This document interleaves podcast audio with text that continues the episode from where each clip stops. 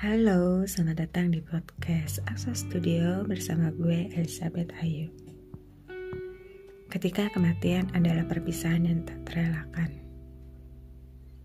Perjalanan kehidupan tidak ada yang tahu garis finishnya. Yang bertanggung jawab atas kehidupan kita adalah diri kita sendiri. Perjuangan, petualangan, pencapaian, kegagalan kesendirian, tantangan, ketakutan, kecemasan, optimisme menjadi bagian dari sebuah kehidupan. Tapi, keberadaan orang lain menjadi berarti untuk setiap kita. Terlebih lagi bila keberadaan orang lain memberi dampak yang baik untuk hidup kita. Kehilangan terdalam akan terjadi ketika kematian yang memisahkan Tak ada yang bisa kita lakukan. Hanya menangis menyesali beberapa momen yang terlewat.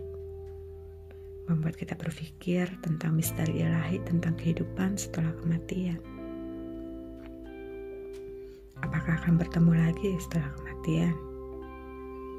Apakah kematian itu menyakitkan? Apakah kehidupan setelah kematian begitu menyenangkan? Banyak yang bilang untuk fokus tujuan hidup ketika masih bernafas. Hidup hanya sekali dan tak lama.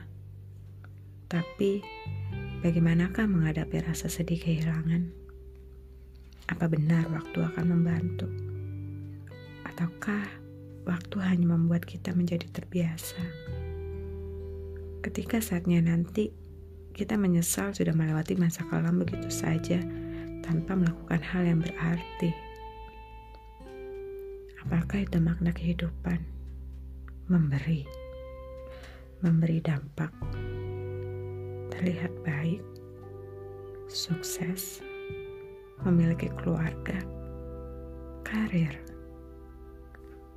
Entahlah, yang pasti melewati banyak hal membuat bersyukur terasa sangat sulit. Sekian podcast dari Asa Studio bersama gue Elizabeth Ayu.